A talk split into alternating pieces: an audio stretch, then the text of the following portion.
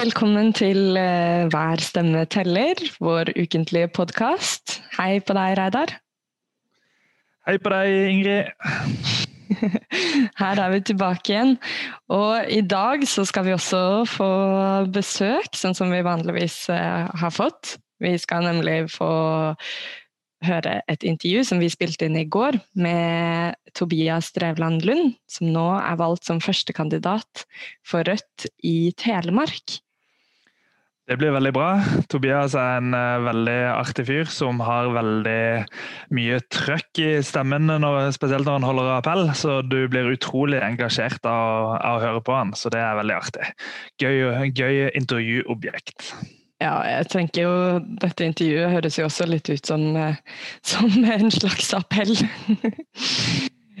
um, men vi skal også, før vi får høre Tobias, så skal vi jo snakke litt om hva som har uh, skjedd den siste uka. Og hva som har uh, rørt seg i partiet vårt og i landet. Um, og det første, en ting som har vært veldig viktig for Rødt denne uka, er jo at på tirsdag så ble um, det lagt fram en rapport fra velferdstjenesteutvalget, som har jobba frem en rapport om pengestrømmer i velferden. Og det er jo midt i blinken i vår politikk. Um, men selvfølgelig har jo disse funnene da, som har kommet i den rapporten, de har jo blitt uh, um, ja, objekt for ganske heftig politisk debatt om hvordan de skal tolkes. Og her har jo næringsminister Iselin Nybø kommet ut og sagt at disse funnene viser at det ikke finnes superprofitt i privat velferd i Norge. Og det er jo ganske tullete fra, sett fra vårt eh, perspektiv, er det ikke det? Så absolutt. Og det som er sketchy med, med, dette utvalget sånn i utgangspunktet, det er jo at uh, regjeringa var tydelige på mandat. De har drevet og endra på mandatet underveis til utvalget for at de ikke skal oppnå de resultatene som, som regjeringa var redde for. og Det er å vise at det er mulig å å tjene sånn superprofitt som, som velferdsprofitører. Eh, likevel så har eh, dette utvalget da ikke klart å bevise at eh, superprofitører ikke finnes i, i velferden. Eh, mm. Men, eh, men eh, likevel, så i hvert fall tidligere denne uka, når Seher Aydar kom på Dagsnytt 18, så så sa representanten for, for dette velferdsutvalget at Eh, at eh, funnene deres i liten grad viste at det var noe særlig superprofitt. At mm. eh, velferdsprofitørene tjener mindre eh, enn en det man gjør f.eks. på Oslo Børs. Eh, noe som eh, var ganske merkelig, for, og det poengterte Seher Aydar fra, fra, Rødt veldig bra i den debatten. Mm. At, at eh, superprofitørene finner andre måter å tjene penger på enn bare med, med overskudd eh, på, på drift. Eh, F.eks. så har de fått masse tomter veldig billig av det offentlige, som de har solgt unna til, til internasjonale selskaper og gått, eh, gått, av med store overskudd som har endt opp i, i eh, skatteparadis, f.eks. Mm. Eh, så heldigvis er Rødt på banen og, og kan kritisere dette her. Ja, for det er jo nettopp det rapporten sier. At det er veldig vanskelig å si at det ikke er superprofitt i velferden. Og så handler det jo om tall, og nettopp som du sier, hvordan man regner på det, og hvordan man fremstiller det. Og det at kjøp og salg av eiendom som har blitt gitt til private eh, velferdsselskaper, blir solgt videre til, til markedspris, og der hentes det ut milliarder, det er jo absolutt en form for velferd, altså profitt som er koblet til velferdstjenester. Mm. Og dette utvalget de så på det veldig innenfor uh, veldig strenge rammer. Da, uh, på nettopp hva som er overskudd av av, av, driften. Men det finnes utrolig mange måter å hente ut overskudd på. Du har f.eks. Eh, skoler som kjøper inn lærebøker av, et underselskap av det samme selskapet eh, mm. til kjempehøye priser. Eh, og så er det på en måte det offentlige som tar regninga, men, men Eh, men man skjønner ikke eh, når man ser på tallene at dette faktisk er store beløp som, eh, som ender opp i de samme selskapene. Så de, de, har sånne 100 ulike måter å, å, lure seg til en vanvittig inntekt på. Og dette har ikke, selv, selv om det, dette utvalget kom med interessante ting som gjorde, ga oss grunnlag for ytterligere kritikk av velferdsprofitørene, så er det så mye som de ikke har tatt med. da. Mm. Ja, jeg tenker jo at uh, dette eksempelet viser hvor utrolig viktig det er å ha et parti som Rødt, som ser på det som sin oppgave å være nettopp en vaktbikkje, da, og mm. avdekke disse tingene. Mm, og når uh, Iselin Nybø da får denne rapporten, så, så prøver hun som, som, du sa, å bare vinkle dette til sin egen fordel og late som her står det ingenting om at, uh, om at velferdsprofitører tjener penger. Altså det, det, er helt fullstendig håpløst. Og, og Bjørnar Moxnes hadde noe veldig bra oppslag i, i VG, annet, hvor han dementerte de påstandene og sa at her farer man med usannheter. Så veldig godt eksempel på hvorfor eh, Rødt trengs, altså. Mm. Men eh, du, Reidar, apropos eh, nyhetsoppslag og Dagsnytt 18 og sånn. Du har jo også vært en tur innom studio der i løpet av uka? Ja, jeg har faktisk det. Det var veldig hyggelig å bli invitert til en debatt som strengt tatt ikke burde blitt arrangert på norsk radio, skal jeg være helt ærlig. da. Eh, jeg ble invitert eh, til å diskutere det som jeg også har snakka om her på Hver stemme teller før, og det er amerikansk politikk. Og denne gangen så var tema regjeringsutnevnelsene til, til Joe Biden. Og det er jo ekstremt sånn nerdy på amerikansk politikk, og egentlig litt sånn rar ting å skulle diskutere hva vi mener om i, i Norge, men jeg fikk likevel muligheten til å si, si hva jeg mente fra et venstresideperspektiv. Og det var for så vidt eh, gøy og morsomt å, å være, med, være, med, der. Og det er hyggelig at eh, de har lyst til å høre, høre stemmen min og synspunktene til venstresida på, på amerikansk politikk. Mm. Men det som var kanskje mest fascinerende med den samtalen jeg hadde der, det var uh, at jeg var i debatt med Anniken Huitfeldt fra Arbeiderpartiet. Som ja. uh, Det var veldig merkelig at uh, Har hun også blitt USA-ekspert nå? hvem er ikke USA-ekspert? Det, det, er helt merkelig, vet du. men hun gikk inn i den rollen med å skulle forsvare Joe Biden for enhver pris. Og si at alle disse sentrumsregjeringsoppnevnelsene det er sånn som man må gjøre i USA for å sikre samhold. Eh, og eh, folk på venstresida har ikke sjanse til å vinne uansett i USA. og Hvis, hvis, man, hvis Joe Biden hadde utnevnt en, eh, en, en regjeringskandidat på, på venstresida, så ville det risikert å føre til at demokratene kom til å tape masse valg i framtida. Mm. Så hun tok en sånn der utrolig merkelig posisjon som viser at spør du meg, da, så virker det som at Arbeiderpartiet i Norge de tror at de på en måte er det samme som demokratene i USA, og at de derfor må forsvare demokratene for enhver pris, selv om de faktisk ikke er enig i den konkrete politikken. Da. Så det it makes no sense for meg, mm. men det var artig å diskutere med og jeg følte at jeg fikk lagt inn et par, et par slag i debatten. da. Ja, ja hun har kanskje ikke fått med seg The Squad og hvor utrolig populære de er? Nei, og Det virker litt som at det hun er mest opptatt av, eh, det er å få en mangfoldig regjering eh, med folk som representerer ulike minoritetsmiljøer osv. Eh, det er klart at det er bra, men som, som jeg påpekte i den debatten, da, så er det det er, det er, liksom ikke så kult uh, å bli bomba uh, for et land i Midtøsten, uavhengig av om det er eldre hvite menn, eller om det er litt andre folk også eh, som er med på det.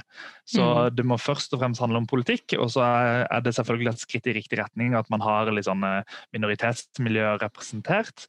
Eh, men, men, det må først og fremst være politikk det, det, handler om. Altså. Og Noen av de kandidatene som hun er veldig inspirert av, f.eks. ei som heter Nira Tanden, som nå skal bli budsjettsjef.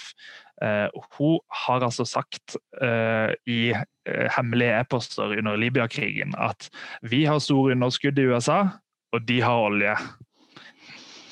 så har liksom hinta til at, at Libya-krigen skulle føre til at de kanskje kunne få litt bedre økonomi i USA med å hente opp den olja. Ja. Så, så, at sånne folk skal inspirere Arbeiderpartiet, det mm. er merkelig. Ja, det er utrolig merkelig. Og så må jeg bare si at en ting til om den debatten, da, som var veldig merkelig. For jeg er jo med i Rødt eh, og får lov til å være med på denne podkasten, som er veldig stas. Eh, men jeg er ingen Rødt-politiker. Jeg sitter ikke i noe sentralstyre, jeg har ikke stilt på noen lister, jeg er ikke valgt til noe som helst. Eh, men av en eller annen grunn, så hver gang jeg har vært på, på Dagsnytt 18 som USA-ekspert, som en som har skrevet bok om USA, så, så må de si at, eh, at, jeg er medlem og at jeg er en Rødt-politiker. Og Samtidig så er det masse USA-eksperter som aldri blir nevnt eh, hvilken partitilhørighet de har. F.eks. Sofie Høgesøl, som er en av de som har fått mest oppmerksomhet i denne valgkampen.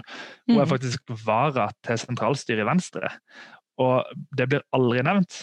Eh, hun sitter i Nobelkomiteen for Venstre. Eh, mm det blir aldri nevnt. Så hun får lov til å være en sånn objektiv eh, ekspert på USA, eh, på tross av at hun har en partitilhørighet, mens, eh, mens skal, det skal nevnes hver gang at jeg er med i Rødt. Og Det brukte for øvrig Anniken Huitfeldt. Hun, hun, var opptatt av å si at jeg ikke kunne, kunne noe som helst om, om USA, fordi eh, jeg var med i Rødt, og vårt perspektiv det henger ikke helt sammen med hvordan USA ser ut. Eh, men eh, ja, Så jeg ble litt oppgitt over det, da. Men, eh, ja. ja men jeg tror det, det var bra for Utrolig teit, men samtidig så er det jo kanskje fint for Rødt. Da. Jeg føler at vi begynner å komme til et sted hvor det, hvor det også er kult i offentlig debatt å bli assosiert med Rødt. Absolutt. Så, og vi må bare bære det med stolthet. Ja, det må vi gjøre. Og var, jeg tror at eh, dette var, var en god debatt eh, også for, for, Rødt, selv om jeg faktisk sa underveis at jeg ikke representerer Rødt. Her, her snakker jeg om min egen kunnskap og mitt eget ståsted. Mm. Men, eh, men, det å vise at man er kunnskapsrik og har peiling både når det gjelder USA og norsk politikk, det tenker jeg bare er bra. Altså. Mm. Absolutt. Og nå skal vi gå litt videre og høre fra en annen veldig kunnskapsrik Rødt-politiker. Veldig bra overgang. Her eh, kommer nå straks eh, intervjuet vi har gjort med Tobias Drevland Lund, førstekandidat for Rødt Telemark.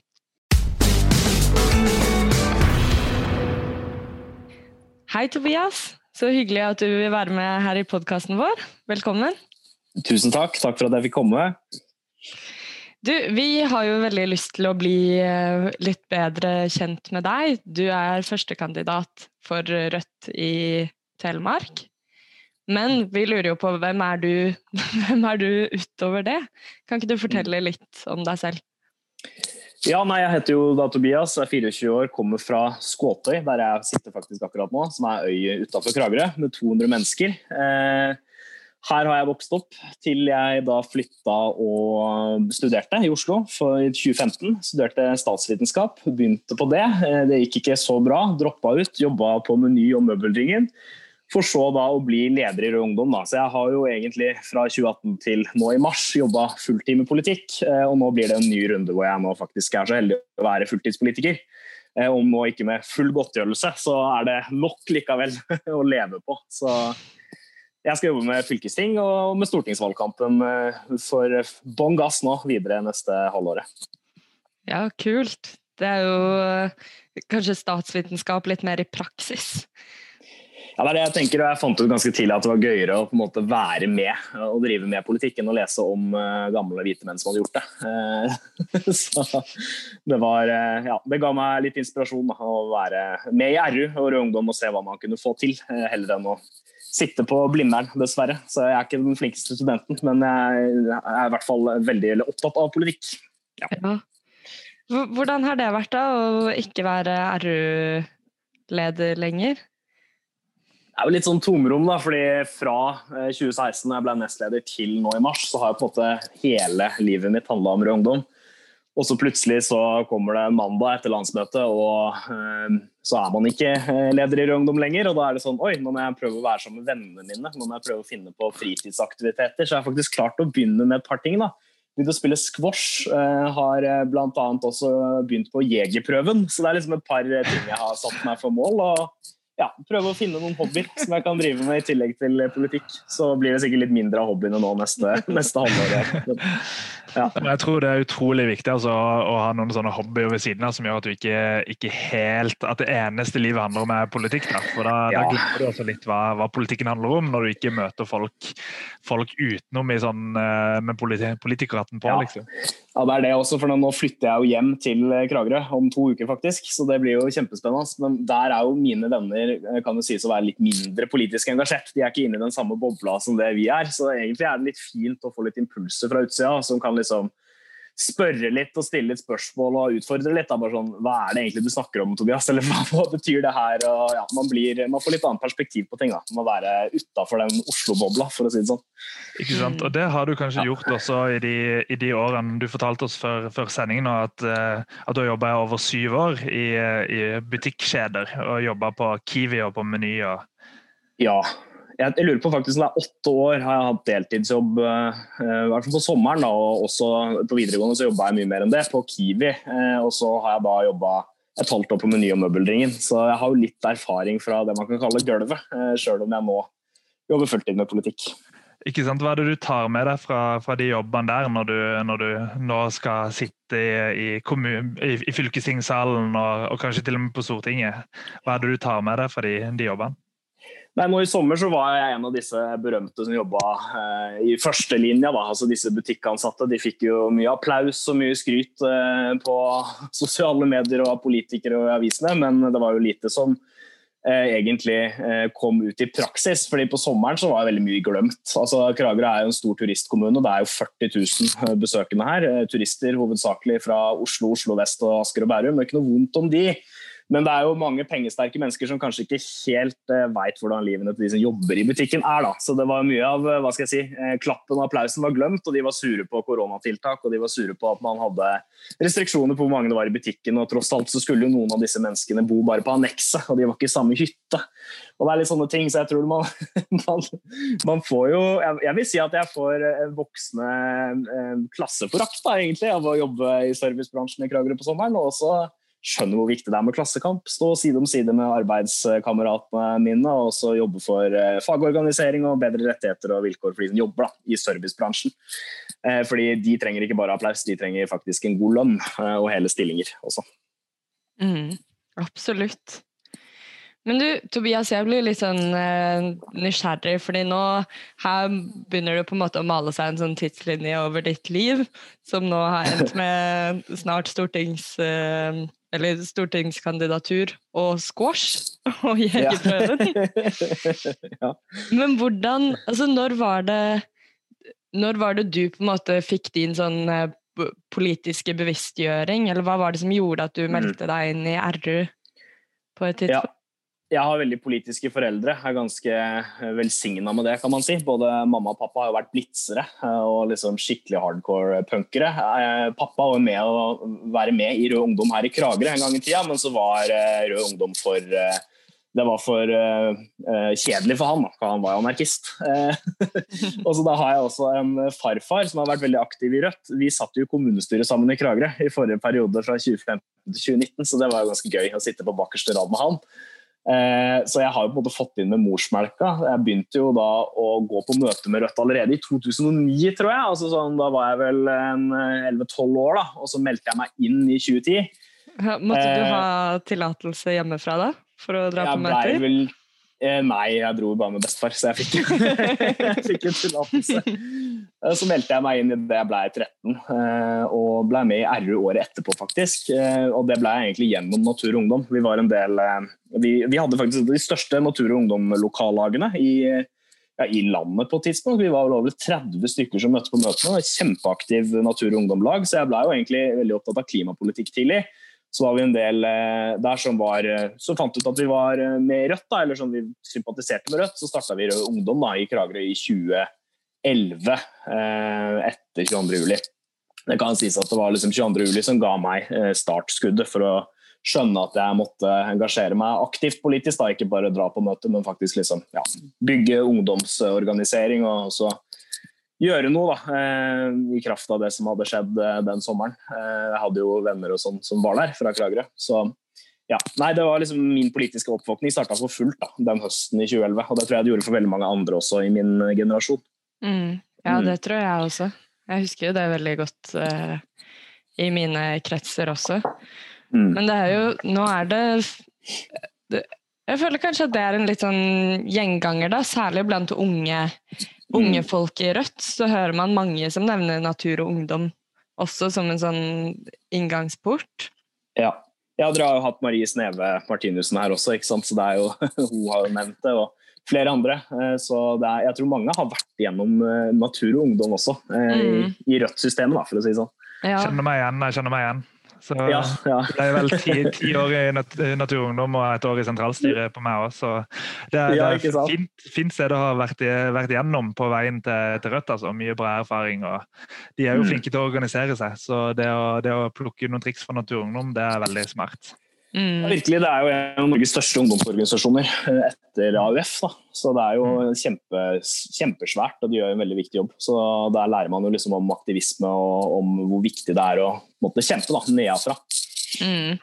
En veldig fin organisasjon å, å, bli medlem i når man, er, når man er ung, som er flinke til å ta imot uh, unge folk. Jeg mener jeg var allerede 13.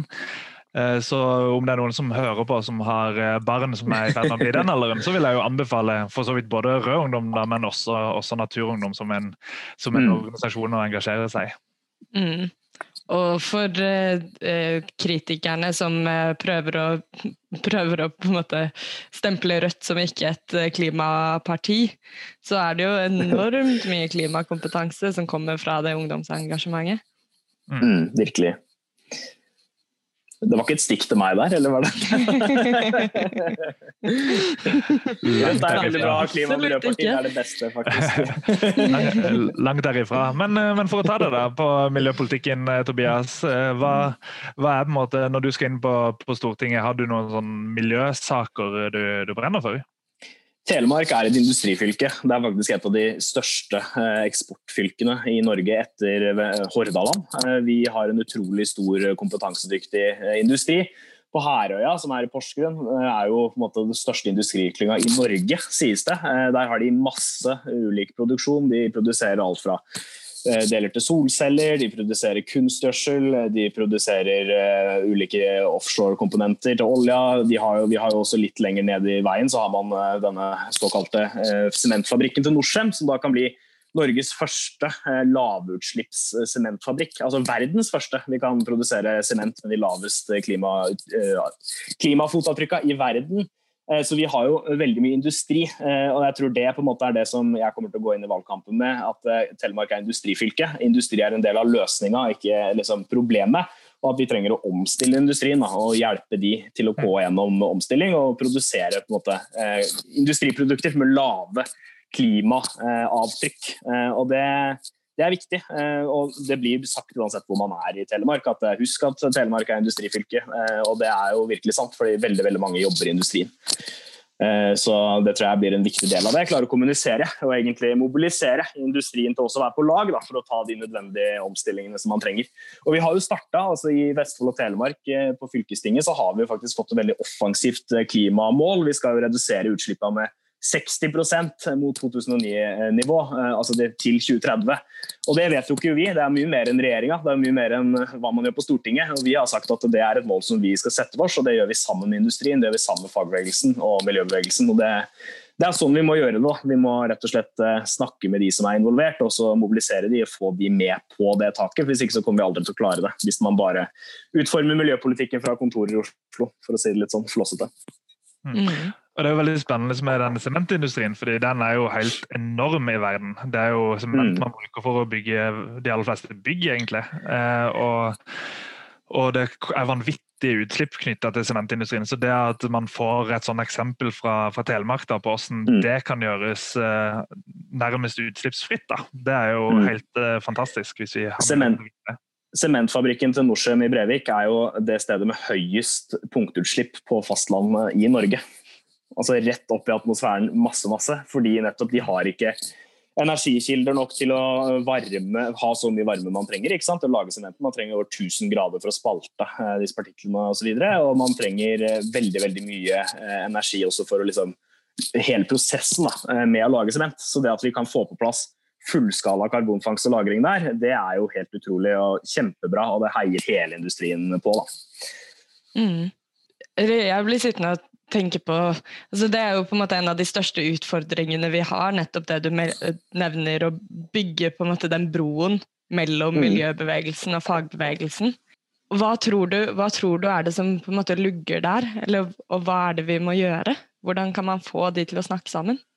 Hadde jeg hatt alle løsningene på det, så hadde det vært fint. Eh, men det har jeg egentlig ikke. Men jeg tror et sted å starte er jo å snakke med hverandre. fordi det har blitt ganske polarisert. ikke sant? Debatten er veldig sånn enten så går du klimademonstrasjon, eller så er du for industrien. Og det er ikke noe enten-eller. Det hører sammen. Uh, og nå er jo jeg litt uh, inhabil der, siden jeg jobber i Manifest, men det er jo bl.a. det Manifest Tankes vi har et prosjekt som går på nå, som heter Grønn industri 21. Så dette går ut, da, går ut på å bygge på en måte en, brei allianse. Der har man fått med seg f.eks. framtiden i våre hender, men man har også liksom, uh, folk som jobber i Aker, og man har med seg Naturungdom osv. Det er det, det vi trenger. Vi trenger på en måte hele bredden. Vi trenger fagbevegelsen og industrien og klimabevegelsen sammen. for Det er den eneste måten vi kommer videre på, er at vi snakker sammen og utformer politikk sammen. da. Mm. Rett og slett. Jeg har gått til klimademonstrasjon, og jeg er helt, eh, helt, på linje med klimastreikerne. Mener at vi må kutte utslipp raskt, og det har ikke gått fort nok. Men vi trenger også eh, den industrien vi har, og vi må ikke slå bein under den.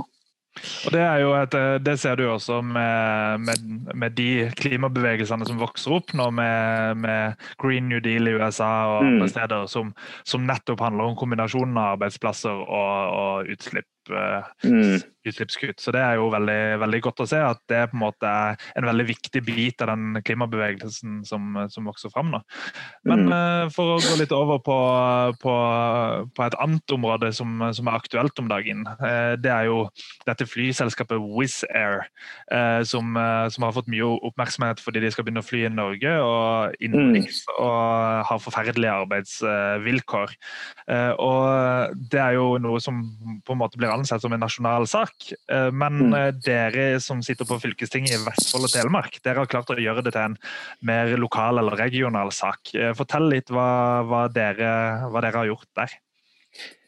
Eh, nei, eh, Wizz Air har jo flydd fra Torp lufthavn, som ligger i Sandefjord, allerede i ti år. Eh, faktisk. Fordi Torp er en av få privateide flyplasser i Norge. Han er eid delvis av fylkeskommunen og delvis av Sandefjord kommune. Eh, og Da fant jo Maren og jeg ut at eh, hvorfor kan ikke vi bruke eiermakta vår til å stille krav da, til Wizz Air? At de skal oppføre seg, at de skal anerkjenne fagorganisering, at de skal eh, rett og slett ta den norske modellen på alvor. da. Og Derfor så har vi tenkt å fremme i fylkestinget egentlig, spørsmål til fylkesordføreren. Hvordan vi kan bruke eierskapet aktivt for å sørge for at de skjerper seg. Eh, så tror jeg ikke det eh, egentlig kommer til å få noe støtte, men det er i hvert fall en fin markering at vi kan si det. fordi eh, det er jo helt klart at når vi faktisk bestemmer over en lufthavn, så burde vi også kunne si at nei, hvis ikke dere anerkjenner fagorganisering, så får dere ikke lov til å fly her. Det er i hvert fall det vi har lyst til å si. Men så er jeg nok redd for at de andre partiene kommer til å ikke følge med det kravet. da. Eh, men eh, selvfølgelig, det burde jo blitt gjort også på Stortinget at man sier eh, fra Avinor sin side at vi ikke har flyselskaper som ikke har anerkjenner fagorganisering, som ikke har tariffavtaler osv. Så, videre. så det er jo egentlig å starte med oss sjøl, fordi vi har den flyplassen vi har. Mm.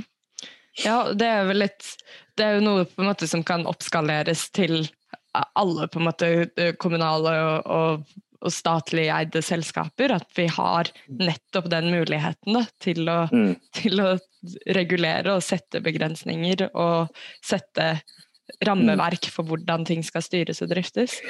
I Vestfold og Telemark så har vi noe som heter eh, Telemarksmodellen også. Eh, og Den er jo på en måte blitt norgeskjent nettopp fordi den jobber med seriøsitet. At vi stiller krav når det offentlige kjøper eller når fylkeskommunen kjøper inn tjenester, så skal det være tariffavtale, det skal være lærlinger, det skal være ordna forhold. Da. og da mener vi at dette også burde overføres til nettopp flyplassen på, på Torp og på Sandefjord. Eh, at hvis de skal bruke Wizz Air, hvis Wizz Air skal eh, operere på vår lufthavn, så må de, så må de oppføre seg skikkelig. da. Mm. Utrolig spennende det dere har gjort i Vestfold og Telemark. For en ting er, for det første så er det riktig. Det er politisk riktig, man burde ikke la Wizz Air fly der. For det andre så viser dere at eh, det finnes et politisk rom eh, på et område hvor man ikke har brukt den makta før. Så dere viser at mm. her er det mulig å, å gjøre noe. Eh, så det åpner på en mm. måte opp det politiske rommet, og kanskje er det mulig å gjøre mer på flere områder når dere først har foreslått det. Og for det tredje så har dere jo fått mye oppmerksomhet for det. Så dere har jo vært på TV, og, så mm. da får dere fokus på hvor dritt dette selskapet er, og, og, og at dere har løsninger. da. Så, og så blir det spennende da, å se hvordan eh, Arbeiderpartiet for eksempel, forholder seg til det. Jeg nevner, jeg gjentar Arbeiderpartiet. altså Arbeiderpartiet, som kaller seg for eh, Arbeiderpartiet, og hva de da gjør når et sånt forslag ligger på bordet. Nei, Det blir spennende å se. Jeg tok jo tidlig en telefon til han som er leder for næringskomiteen i fylket. Jeg sitter jo i næringskomiteen, og han mente at det var vanskelig da, å gå inn for et sånt eh, forslag. Men Rødt kommer til å stå på vårt, og vi får se hvordan, eh, hvordan folk stemmer i fylkestinget. Det blir... men, det jo, men, det handler jo om aktivt eierskap. Det er jo egentlig næringspolitikk dette her òg. Sånn, ja. Vi er med å drive en flyplass, vi eier den flyplassen. Da skal vi også være med å bestemme hvordan den skal driftes. Og det er her også egentlig Rødt skiller seg fra andre partier. Vi vil jo ha mer politisk styring styring av eh, økonomien. ikke sant? Mm. Eh, og Det er jo ikke sånn kjemperadikalt. Hvis du går 50 år tilbake i tid, så var jo dette her Ap sin politikk, Reidar, som du mm. nevner. Altså, dette var jo det man gjorde. Man gikk jo aktivt inn og styrte. Man lot jo ikke bare oljeselskapene ta for seg Nordsjøen, man styrte det politisk. Og Det samme burde vi på en måte gjøre med større deler av økonomien i dag, da. men det er jo motsatt som skjer. Man selger seg ut, man mister eierskapet, og man lar på en måte kapitalistene styre. da. Så det er eh, Ja. Der mener jeg Rødt på en måte er eh, det beste partiet eh, på venstresida i Norge. Ja, helt, helt enig.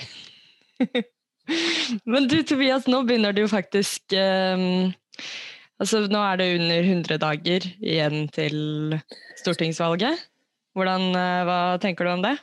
Føles det under 100 dager til stortingsvalget? Nei, 100, nei 300. Da fikk jeg hjertet Heldigvis.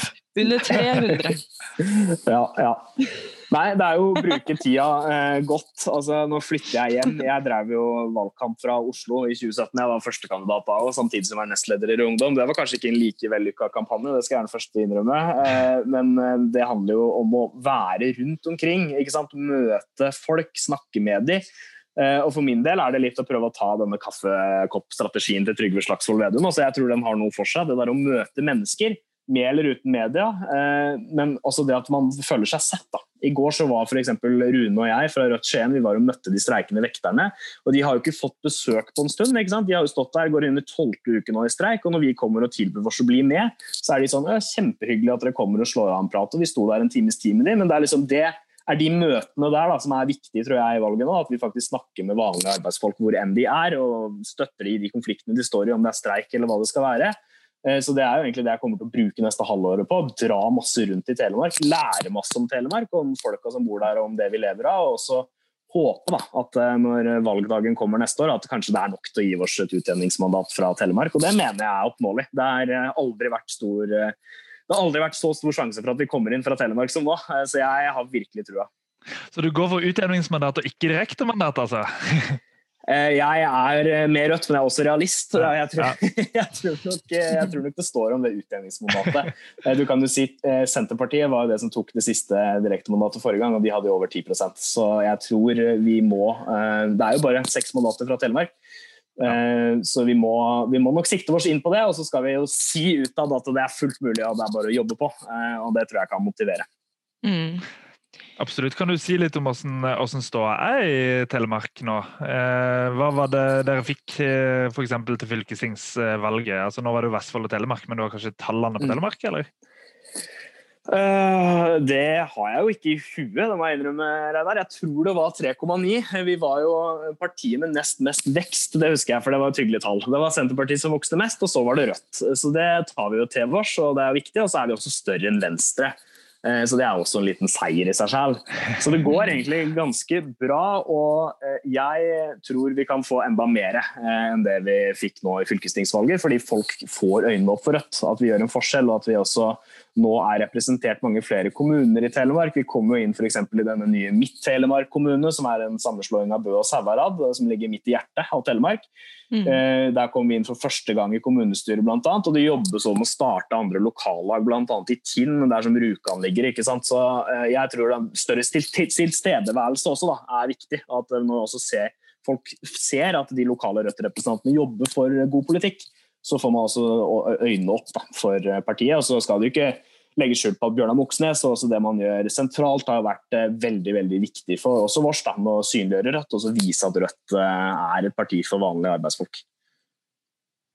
Mm. Ikke sant. Du skulle ikke tro hvor mange ganger jeg møter folk som sier eh, sorry, møter folk som sier ja, jeg vet ikke helt med Rødt, men han Bjørnar han er kjempeflink. og det er liksom sånn, Jo flere som sier det, jo mer flytter man jo også på en måte det politiske, det politiske tyngdepunktet. da. Du nevnte jo helt i starten at eh, du flytter hjem igjen til Kragerø, og der har du gamle venner som kanskje ikke er så politisk engasjerte.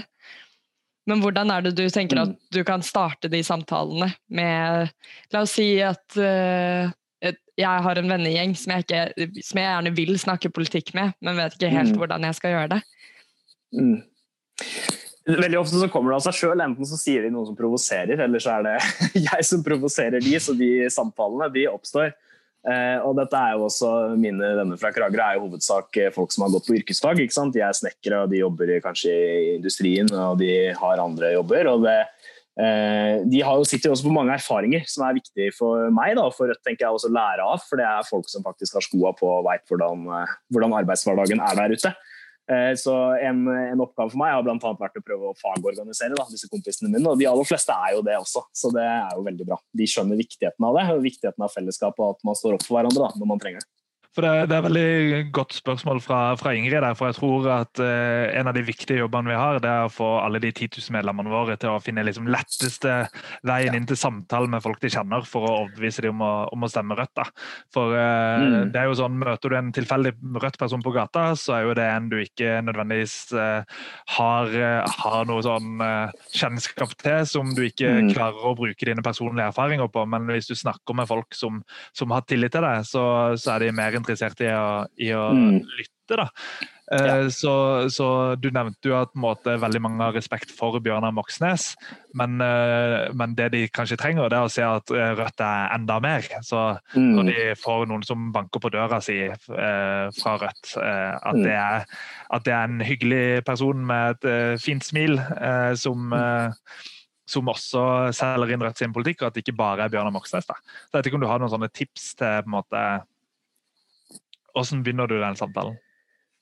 Uh, jeg tror det handler om å lytte til folk og problemene deres og prøve å svare ut eh, de, ikke på en overfra og ned-måte, men sette seg rett og slett inn i, eh, i problemene. For det kan være helt oppriktige problemstillinger. sånn sånn Uh, ja, snakk om, snakk om klima, da. Uh, så kjenner jeg noen som jobber i industrien, og så er de sånn Ja, men uh, vi kan jo ikke bare liksom, legge ned olja, vi kan ikke bare slutte med Som jobber i supply-næringa, da. Kan ikke bare slutte med det jeg driver med. Så jeg nei, det skal vi ikke. Men vi kan heller bruke de ressursene, den kunnskapen du har, da, til å lage f.eks offshore vindmøller da, eh, eller andre industrikomponenter. Eh, og Når man liksom får det litt i tale på det, så er det sånn dette er jo ikke dumt, dette er smart. Dette handler også om min arbeidsplass og min framtid. Så jeg tror det er sånn å ikke gjøre det på en belærende måte, men faktisk prøve å liksom sette seg ned sammen og prate med dem. Det er, eh, det er, viktig. Mm. Det er sånn vi vinner, over, altså vinner folk over på vår side. Ja, det tror jeg også er kjempeviktig. Og nettopp det som vi er inne på nå, da, å starte med starte med arbeidshverdagen til folk. Mm. Det vi gjør fra dag til dag, er så utrolig Det preger en så stor del av livene våre. Og det er kanskje de relasjonene hvor man kjenner mest på en usikkerhet mm. eh, og en urettferdighet. og hvor på en måte de Du nevner sier på en måte problemene våre, men hvor, hvor, det er faktisk praktiske problemer som utspiller seg i hverdagen. Så det å snakke med folk og ta tak i liksom, arbeidshverdagen deres, er jo en utrolig god inngangsvinkel til å snakke om politikk. Det er absolutt det. Og så nevner jo Reidar denne her Bjørnar-effekten, eller kall det hva du vil. Eh, litt av det samme har vi hatt i Kragerø. ikke sant? Kragerø er jo en kommune som har hatt veldig høy, høy oppslutning for Rødt. Altså, I forrige periode så var vi jo det stedet i Norge med høyest oppslutning, med 16% ikke sant? Mm. Og det er jo ikke fordi alle her nede er kommunister og sosialister, det skal jeg være den første til å, til å innrømme, men veldig mange har sett at disse politikerne, eller de folkevalgte, er hel ved. da de lytter til folk, de snakker eh, på en måte vår sak og de står opp for uh, ting som er viktig i lokalmiljøet. og jeg tror på en måte det er, det er et sted å begynne uh, hvis man klarer å på en måte få Bjørnar-effekten rundt omkring i hele Norge. At man stoler på politikerne som er fra Rødt, og at man ser at det er vanlige folk som har også lik bakgrunn, og, og, bakgrunn og liv da, som det de selv har. Så tror jeg det mm. skaper mer tillit. Ja, der har jo du virkelig en fordel når uh, alle i lokalmiljøet har sett deg på, sitte i kassa på Kiwi. I mange år så er det et kjent fjes. Ja, det er gøy det, å bli kjent igjen fra Kiwi. Eh, så, det tror jeg også kollegaene mine på Kiwi syns er litt uh, artig, da, på en måte at jeg driver med politikk. og jeg husker Det var liksom reaksjoner for et par år siden, for jeg jobba på Kiwi sjøl når jeg var leder i Rød Ungdom en sommer. Fordi jeg syntes det var litt gøy da, å jobbe der. Mm. Eh, og da var det sånn Ja, men jøss, jobber du her? Du trenger jo ikke det, du. Så er jeg sånn Nei, men det er jo eh, det er også godt å være her, på en måte. Være litt på gulvet og kjenne på hvordan det er. Eh, så ja, jeg tror man får man nyter større respekt av det da, når, vet, når de vet at også jeg har på en måte vært gjennom det samme og vet hva det går i. Mm. Yes, Tobias. Da er det ikke 100 dager, 300 dager til valg. Hvordan kommer hverdagen din til å se ut eh, fremover? Det kommer til å være mye politikk. Eh, mm. Jeg skal ta den jegerprøven. Da. Det håper jeg at jeg får gjort på nyåret. Men bortsett fra det så er det politikk for alle penga. Jeg reiser rundt, snakker med folk, eh, drar i debatter, får medieoppslag, eh, møter fagforeninger. Det gleder jeg meg masse til, og det skal jeg gjøre sammen med et kjempebra lag da, i hele Telemark. Så vi skal bygge den grasrotbevegelsen vi trenger. Og så er jo liksom koronaproblematikk og sånn selvfølgelig der, for som med alle andre, hvordan blir dette valget i det hele tatt? Men jeg tror det at vi klarer å måtte få en svær gjeng. Vise at uh, selv det å dele noe på Facebook, selv det å bare møte opp på stand én dag, altså sånn, det er viktig. da, Hver eneste minutt og sekund og time vi legger inn i det arbeidet nå fram til valget. Det kommer til å bety noe. Og jeg tror vi kommer til å komme over sperregrensa og heldigvis også kanskje få et mandat fra Telemark. Det, det satser vi på. Åh, det hadde gjort seg. Men, eh, men, jeg håper at du også får litt tid underveis til å, til å se litt på, på, Netflix eller NRK nett-TV og få slappe litt av innimellom. For det kommer til å bli et intenst år for, eh, for mange av oss, men kanskje spesielt for dere som er kandidater. da. Ja, da, vi får alltid tid til det, tror jeg. ok, veldig Jeg tror vi skal begynne å runde av nå, men veldig hyggelig at du ville ta en prat med oss. Veldig bra jeg kunne komme. Jeg synes mm. Det er veldig koselig å høre på podkasten her og også bli kjent med så mange, mange, kandidater og fine folk rundt omkring. Ja. Det er gøy å se hvor mange fine kandidater vi har. Så takk for at du kom. takk, takk. Og lykke til med jegerprøven. Ja, takk. Det var intervjuet vårt med Tobias. Og Reidar, du har vel som vanlig titta litt ekstra på tallene. Her hørte vi jo at Tobias eh, sa at han eh, går for utjevningsmandat. Men hva er, hva er prognosene våre i Telemark så langt? Telemark er jo, som Tobias sjøl sa, et eh, litt vanskelig fylke å få såkalt direkte mandat fra. Og det er fordi de ikke har så veldig mange stortingsrepresentanter, eh, og da krever det en høyere prosent for å komme inn. Eh, så i, eh, i, Telemark må du faktisk opp i over 15% for å være helt sikker på å få inn et direktemandat. Du kan sannsynligvis eh, komme det lavere. Det, hold, det kan godt være at du holder med 11-12 det er jeg ikke helt sikker på, men da skal du være veldig heldig med hvordan de andre stemmene faller. Mm. Men uh, Tobias var faktisk litt sånn når han snakka om forrige valgresultat, så var han uh, ikke helt uh, oppdatert, faktisk. Tallene ser litt bedre ut for han enn det han uh, sjøl nevnte. Mm. For, for, Telemark i, i fylkestingsvalget, de fikk faktisk 4,3% Så, så, det var et veldig sterkt resultat, over landsgjennomsnittet. Mm. Og det handler både om at Telemark har veldig mange solide lokallag nå, og de opplevde bl.a. en veldig stor vekst i to av de største byene, eller bykommunene, altså Grenland og, Skien. Mm. Så, eller Porsgrunn og Skien, unnskyld. Eh, så, så, det gjorde at, eh, at, de gikk veldig tydelig fram i, i fylket. Eh, og det viser jo at det finnes et potensial der kanskje for enda mer vekst. Og noe av det Tobias var flink til å snakke om, det er jo at noen av disse kommunene er industrikommuner. Og, og det er jo noen av de stedene hvor vi kanskje har sett at vi har vokst mest i de siste årene. Eh, så det å satse skikkelig denne gangen gjør at jeg tror at eh, Telemark også er et fylke eller stortingsvalgdistrikt nå da, som, som kan lykkes ganske bra. Mm.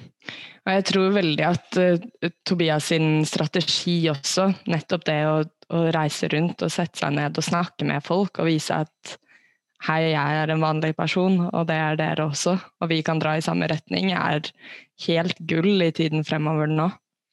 Absolutt. Og Tobias var jo kandidat for fire år siden også. Da hadde han litt mindre tid. Denne gangen så går han all in og, og vil bruke stort sett alt av tida si på, på valgkamp. Da. Så mm. han kan få møtt utrolig mye folk, eh, og kommer jo til å gjøre en veldig god jobb. Det vet vi jo med å holde appeller og ting som han er fryktelig god til. Og så Uh, har han i tillegg denne fylkestingsposisjonen sin sammen med Maren Kurdøl fra, fra, Vestfold, toppkandidaten i Vestfold som har vært på besøk her, som jobber godt sammen og som får mye, mye presseoppslag sammen. Så uh, kombinasjonen av en sterk organisasjon nå etter hvert i, i Telemark, sammen med at uh, Tobias har erfaring fra før av og, og er veldig flink, gjør at Telemark blir et veldig spennende stortingsvalgdistrikt å følge. Mm.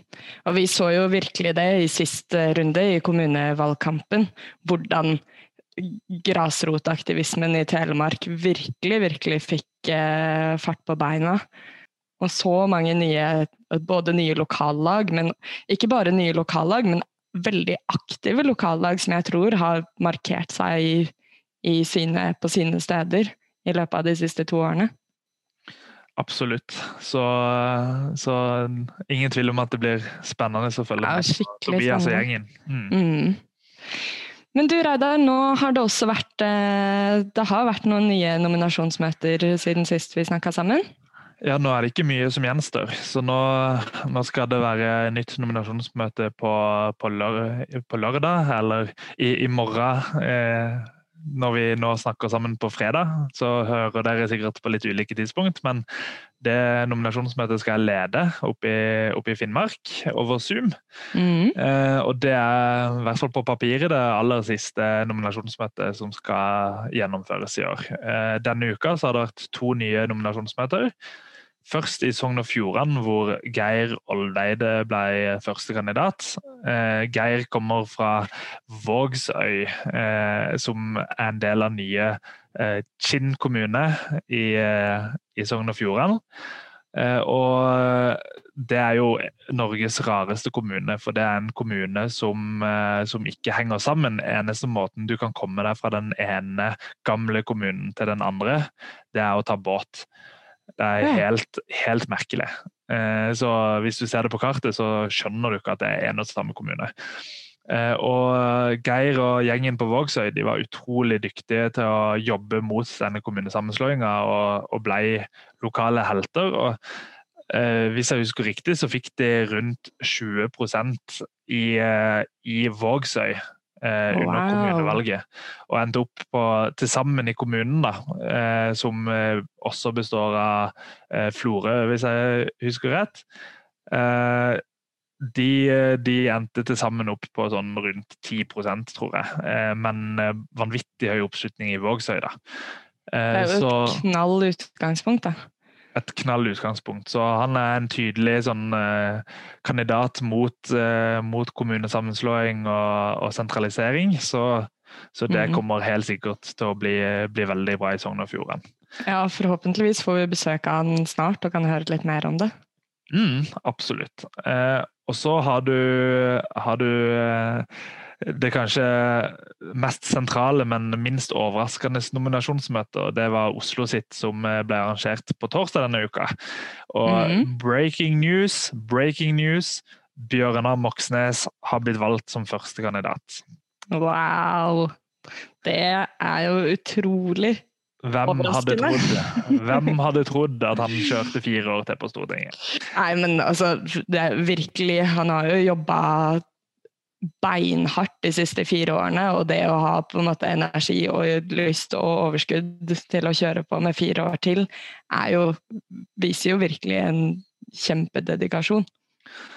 Absolutt. Og jeg tror Bjørnar har fått oppleve veldig hvor hardt eh, det er å sitte alene på Stortinget. Mm. Og også hvordan Stortinget fungerer i det hele tatt. For eh, nå er det jo faktisk sånn at mange avstemninger og debatter foregår til langt ut på natta.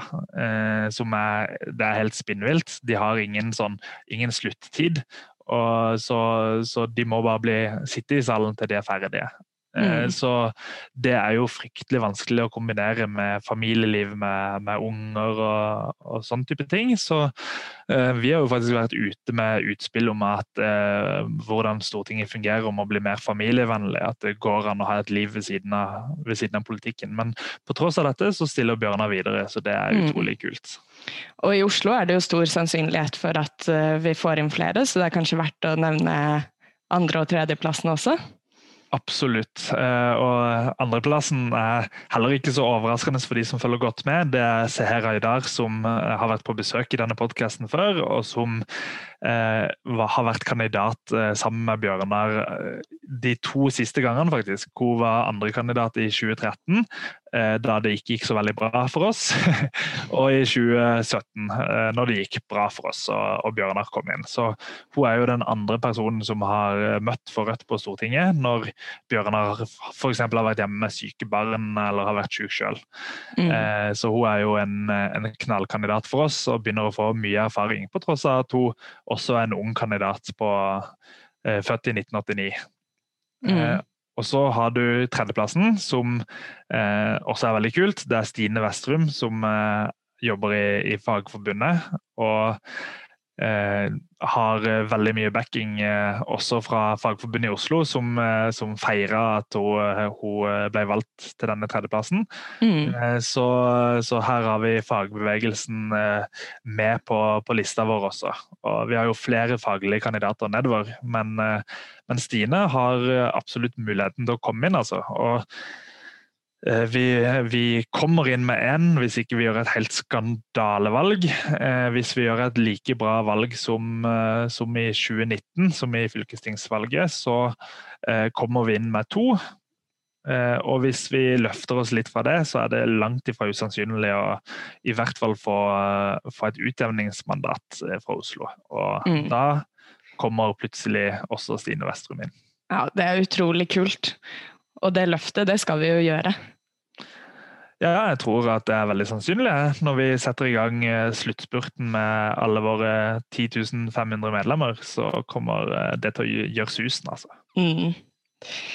Du Reidar, nå tror jeg vi skal begynne å runde av for i dag. Men vi kan jo nevne helt på tampen at eh, Rødt har jo en utrolig kul julekalender gående, for de som ikke har fått med seg det. Det er eh, Knut Nærum som har tegna og skrevet en helt egen julekalender for Rødt. Um, og den kan man finne Hvor er det man kan finne den? Den finner du ny luke på Facebook hver dag, på Rødt sin Facebook-side, men også på rødt.no julekalender. Mm. Så må jeg bare si at uh, det er litt sånn lange tekster hver morgen. Det tar kanskje fire minutter å lese, lese gjennom. Så det er nesten ei lita bok når du leser fra luke 1 til 24. Men det er veldig verdt det, fordi det er, det er veldig morsomt. Uh, og det er noen veldig bra sånne politiske stikk til, til den politiske utviklinga. jeg husker ikke om jeg nevnte det i forrige podkast, men et eksempel på humoren herfra det er at eh, det er noen som eh, ønsker å ta over jula, som, eh, som vil rebrande jula for å gjøre den mer sånn markedsvennlig. Så de vil endre navnet på jula til, fra jul til Gi. Så er, her, her, hører du at det er noe sånn Vy-sammenligning som er ganske morsom. Så la oss feire gi i år, og så må vi huske å gi masse. Gi masse dyre varer. Ja. ok, tusen takk for i dag. Vi snakkes neste uke. Det gjør vi. Ha det. Ha det godt.